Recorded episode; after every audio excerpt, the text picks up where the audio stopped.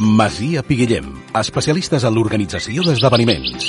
Vine a Masia Piguillem i fes el teu dinar o sopar envoltat de natura i en cuina de qualitat. Més informació i reserves a masiapiguillem.com el que s'amaga rere una investigació policial és Cas Tancat, segona temporada. Vaga pel mig de la plaça. Pistes, persecucions, detencions, màfies, robatoris... Robatoris. Estratègies per esbrinar els casos policials més recents. Tots ells surten ara a la llum. A Cas Tancat. Cas Tancat.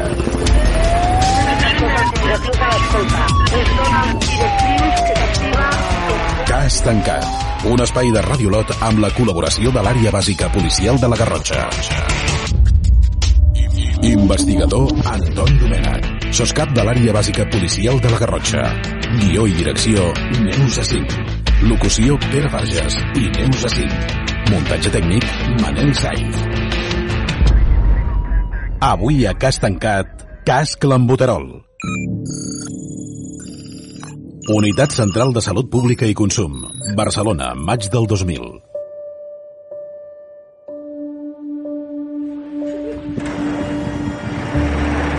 El cap de la unitat crida tot l'equip. Han rebut un avís de la Generalitat.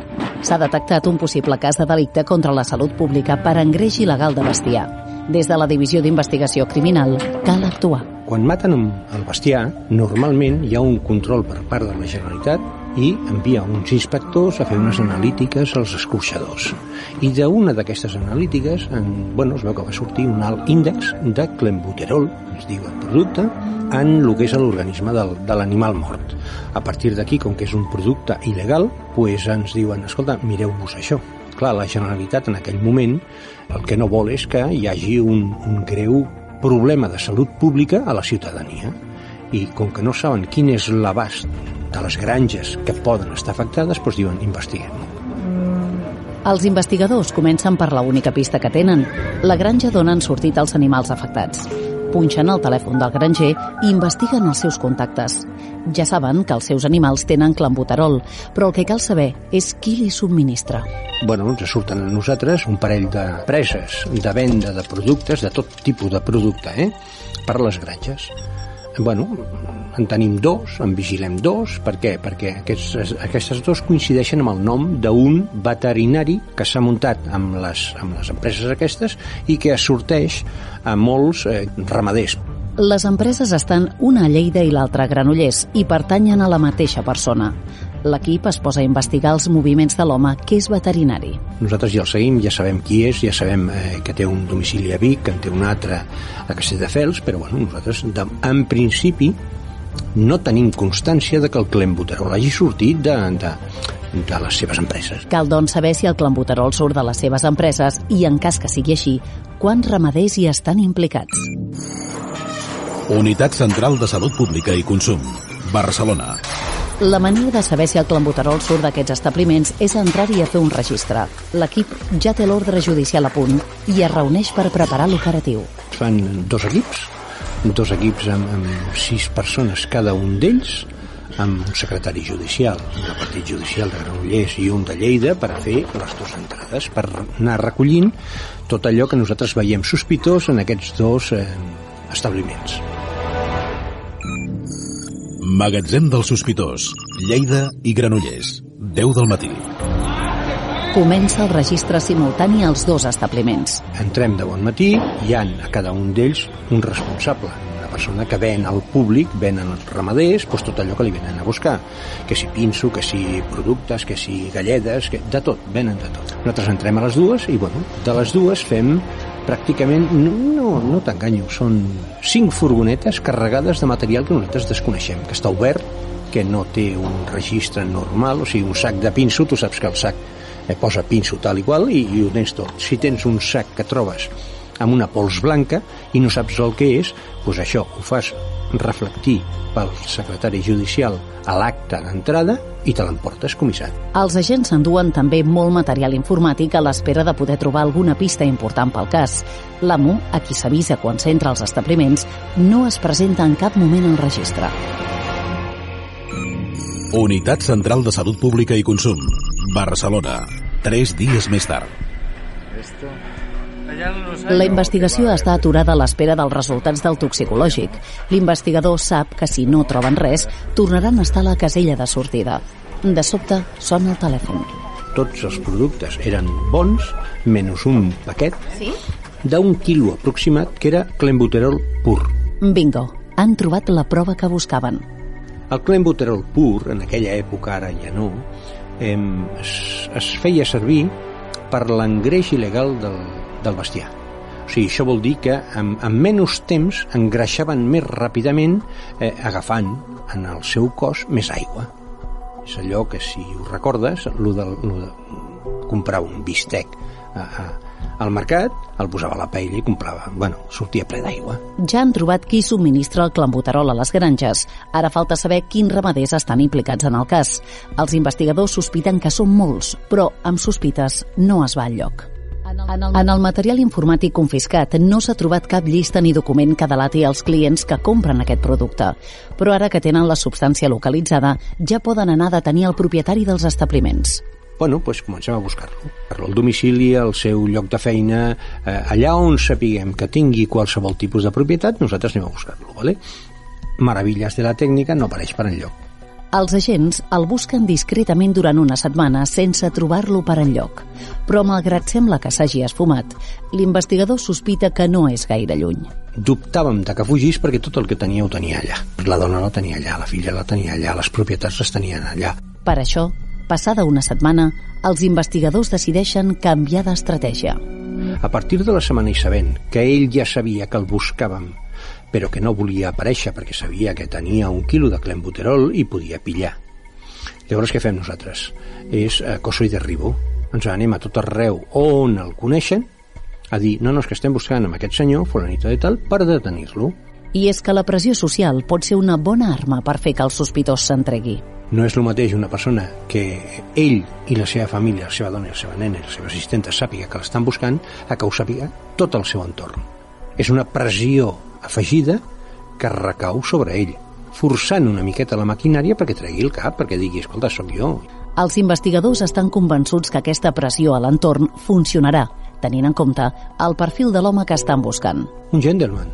Sí, sí, sí, sempre amb traje, amb un Mercedes. Era, era, era un home que se'l veia molt ben posat, o sigui, eh, un Richard Gere de les pel·lícules, amb el, bueno, amb el seu traje i dominant l'entorn, bona paraula, do de gens, es feia al club de tennis, prenia la copeta al club de no sé què, bueno, pues era un gentleman. Els agents comencen a visitar tots els llocs i persones amb qui ella es relaciona habitualment. Clar, llavors tot el seu entorn ja sap que l'estem buscant al porter de la seva finca, del seu domicili, a la masia, a la casa eh, de la platja de Calafell, pues, ho escampem per tot arreu. El club de tennis que anava ell també, I és precisament al club de tennis on els investigadors troben una pista. el club de tennis ens informa que aquest home tenia una barca, una barca de, em sembla que eren 5 o 6 metres, entre 4 i 6 metres, amb un motor i tal i qual, i que les tenia en venda. Botiga nàutica. Calafell. Els investigadors entren a l'establiment amb l'esperança de trobar un fil que els condueixi fins al sospitós que estan buscant. Té una barca a la venda? I sí, és veritat. Jo ho tinc posat en el meu recull de vendes, perquè aquest senyor va venir aquí, és client, jo cada cada any li feia a l'hivernatge el motor de la seva barca i em va dir que la volia vendre. I la tinc a tal moll, fora de l'aigua, en un racó, allà la tinc per exposició per qui la vulgui comprar. Vale, vale, moltes gràcies. No el sap, no l'ha vist vostè. No, no, no, és que no l'he vist, no l'he vist, no l'he vist, ja està. Vale, perfecte, adéu-siau. Unitat Central de Salut Pública i Consum. Barcelona.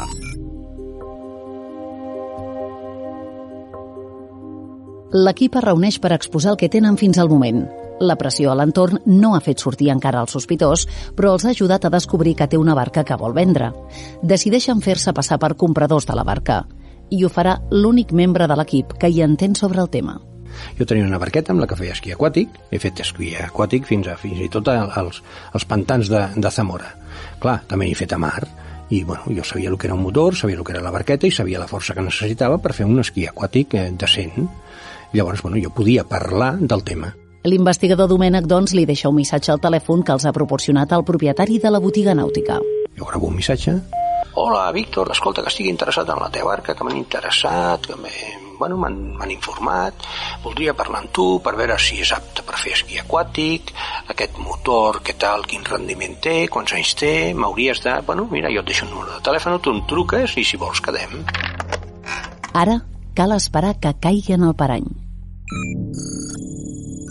Unitat Central de Salut Pública i Consum. Barcelona. Un dia més tard.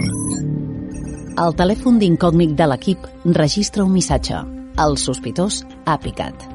Hola, sóc en Víctor. Escolta, Toni, que vull parlar amb tu, perquè sí, que em vull vendre la barca. Aquest motor és fantàstic, només té 4 anys, tu ja saps que els motors en 4 anys estan nous. Total, bueno, quedem per anar al port aquest, al lloc de la barca.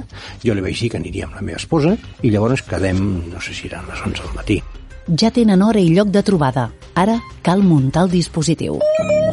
Port de Calafell. 4 de la tarda. Tot l'equip es trasllada de paisà al port de Calafell per observar el terreny. La forma de l'espigó on està la barca del sospitós, amb una sola entrada i poca llargària, els permetrà muntar una operació amb moltes garanties d'èxit. Nosaltres posant dos homes a l'entrada ja, ja ho tenim cobert. Si entra, si ell ve. Clar, llavors, per protecció dels agents que estan muntant el dispositiu de compra de la barca, en aquest cas la meva dona, una companya i jo, doncs llavors posem eh, tres parelles més de Mossos, dos a dintre d'un barco, com si fos seu, sentats allà prenent el sol, altres dos passejant pel final de l'espigó i uns altres dos fent de pescadors. Clar, amb aquests sis, més els dos que hi havia fora, que són els que donen la veu de d'avís, ves que entra, ves que no entra, perquè teníem el cotxe, sabíem com era i teníem bueno, fotografies d'ell. Muntem aquest dispositiu, però jo dic que era fàcil perquè aviam, un cop entrat no té per on sortir. Port de Calafell. Dissabte, 9 del matí.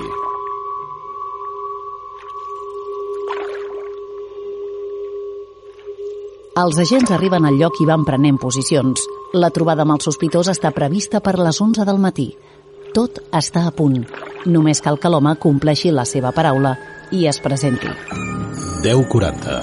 Entro meva companya i jo, entrem tots dos, caminant, brum, cap a dintre. Els meus dos companys estaven a fora i els altres ja estaven situats a dintre.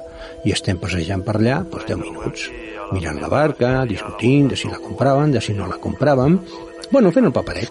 10.55. Arriba un cotxe. Aviam, estigueu atents, està a punt de sortir. En baixa el sospitós amb la seva dona i la seva filla. Val, ja tenim fora. Clar, llavors tots amb tensió. La Carme i jo, la meva companya, doncs allà, donant voltes a la barca. Val, s'han aturat, estan davant a 10 metres Cal aproximadament. actuar amb tota la naturalitat possible. Si l'home sospita, podria no entrar i complicar l'operació. Bueno, ens presentem immediatament. Tu ets en Víctor? Li dic jo. I ell em diu, tu ets el Toni? Sí, dic, molt de gust, vale? I ja està, i ens saludem i parlem i dic, escolta, li estic donant voltes a la teva barca. Perquè, clar, mm, m'has de, de dir tu si servirà, si no servirà, sí, home, tal i qual. Bueno, vam estar 10 minuts de xatxara. Ell intentant vendre i jo creant, no dubtes, però sí preguntes perquè ell es sentís confiat. 11 i 10. Policia, quiets aquí, no es moguin, queden detinguts. Les Els agents que estaven camuflats de paisà apareixen i interrompen la conversa anunciant que queden tots detinguts. No, no es moguin. No, li he dit que no es mogui. Li Sisplau, posen les manilles amb ell, em posen les manilles a mi, li posen les manilles a la Carme, la meva companya, i les úniques que es van quedar sense manilles va ser la seva dona i la seva nena. Queda vostè detingut i no sé què, no sé què, i jo cridant, però què feu? Aviam, escolta, jo estic comprant una barca, però què és això? Què som, narcotràfic o què? Fent una miqueta el paper. Ell callat com una tumba, callat completament. Ell sabia que havia pillat per lo que li havíem enganxat, ell estava al tanto de tot. La seva dona em diuen a mi, no es preocupi que ja vostè no, no té res a veure amb això. Els agents porten els dos investigadors infiltrats i el sospitós i la seva família detinguts a la seu de la policia local. I és que l'operació contempla una segona part molt important. No només volen detenir el sospitós, sinó que cal saber on guarda la llista dels seus clients ramaders. I per això cal aconseguir la confiança de la seva dona. Seu de la policia local de Calafell. Sí, hem fet un 12 del migdia. Ell estava tancat a dintre, no el veia amb ningú, amb dos o tres companys meus, i jo estava a, a l'habitació al costat, amb la dona, la filla, la Carme i jo, que jo renegant, la Carme també nerviosa, cap aquí, què ha passat, que no sé què, fent el paper. Seguint el pla establert, la policia els tanca estratègicament perquè l'investigador infiltrat pugui intentar extreure informació a la dona del detingut. El que estàvem buscant era el maletí, el portadocuments del detingut, perquè en allà sospitàvem que tenia tota la llista de clients que tenia als quals els hi subministrava Clenbuterol. Clar, sí que teníem previst fer l'escorcoll del seu vehicle i l'escorcoll del seu pis d'allà de Calafell. Però per si hi havia algú més estàvem fent el paper per si a l'hora de sortir nosaltres d'allà ens confiaven en algú. Estança de la policia local a on esperen els policies infiltrats i la dona i filla del sospitós. Bueno, als 10 minuts, 15 d'estar allà, renegant, nerviós, amunt i avall, això i allò, se m'acosta la dona i em diu, escolti, escolti, vostè em podria fer un favor? Li dic, digui'm el que sigui, perquè aquests són uns poca vergonyes, que no sé què. Bueno, i, i bueno, saps allò de que la persona va a parlar, però de cop i volta diu, bueno, no, no li vull complicar. No, gràcies. L'investigador veu en dècimes de segon com se li escapa una informació que hagués pogut ser vital per al cas. Però a vegades la sort s'esfuma sense saber per què. Va fer el millor que podia fer, callar. Els registres als seus domicilis i vehicles no van servir per trobar el llistat de ramaders implicats i el detingut no els va delatar perquè no podia donar explicacions del quilo de clenbuterol i allò ja sabia que li queia amb ell per nassos i va callar en quant a, a, a delatar els, els ramaders doncs perquè sortiria més perjudicat si surten molts ramaders a qui ha subministrat ja no és un quilo ja no és un, un fet en el temps, sinó que és un fet perllongat en molt de temps. Són molts delictes una darrere de l'altra, si li venga amb un o si li venga cent. I si, li ven, si ho venc una vegada o si els subministro pues, eh, dos vegades al mes, a cada un d'ells. Clar, ell va fer el que tenia que fer. El detingut va ser condemnat pel clambuterol trobat a les seves empreses i la investigació va servir per frenar aquesta pràctica entre els ramaders. En aquesta ocasió va faltar aquell xic de sort que tot investigador vol tenir, però malgrat això, amb la detenció i condemna de la persona que distribuïa el producte per engreix il·legal del bestiar, es va tancar el cas. I tant que va servir. El mateix departament amb els seus inspectors ja es van encarregar de fer la difusió a les granges que ells inspeccionaven. No puc dir que els bistecs no deixin anar aigua encara, però el que sí que podria assegurar és que no, no tenen clenbuterol.